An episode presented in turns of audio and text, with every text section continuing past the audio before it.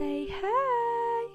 Selamat mampir kembali di podcast Kisah Sewindu Uh, kali ini aku bakal kasih satu tema yang mungkin saat ini atau bahkan udah pernah kalian alami. Ya, yang tak lain tak bukan adalah Keadaan di mana kita harus terpaksa mengakhiri Mungkin ini kedengarannya familiar banget karena semua yang berhubungan dengan kata mengakhiri ya pasti akan berujung sakit. Namun kali ini bukan hubungannya yang berakhir, melainkan perasaan. Ada sih salah satu orang nih yang malam ini jadi pembahasan di podcast kita dia bisa aku sebut satu-satunya orang yang gak hilang gitu aja. Dan dia emang menyakiti tapi dia juga perlahan untuk membantu mengobati. Aneh kan?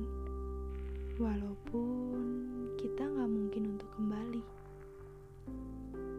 perasaan yang harus dipaksa untuk berakhir karena situasi yang sulit tuh gak segampang apa yang aku bayangin.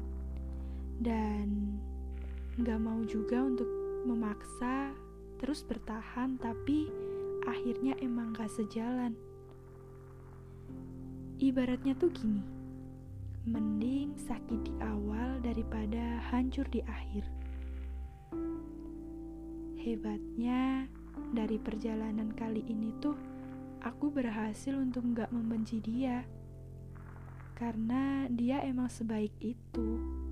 Kebanyakan orang yang ketika ada di situasi ini pasti akan bilang ya udahlah ya emang kita tuh nggak bisa. Terus mereka pergi. But he's different. Kayak yang bentar ya dipertahanin dan diperjuangin dulu sebelum nantinya ikhlas jadi jalannya.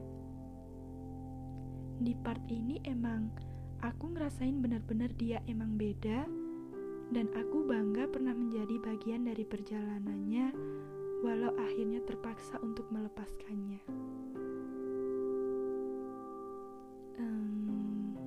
baik-baik um, ya.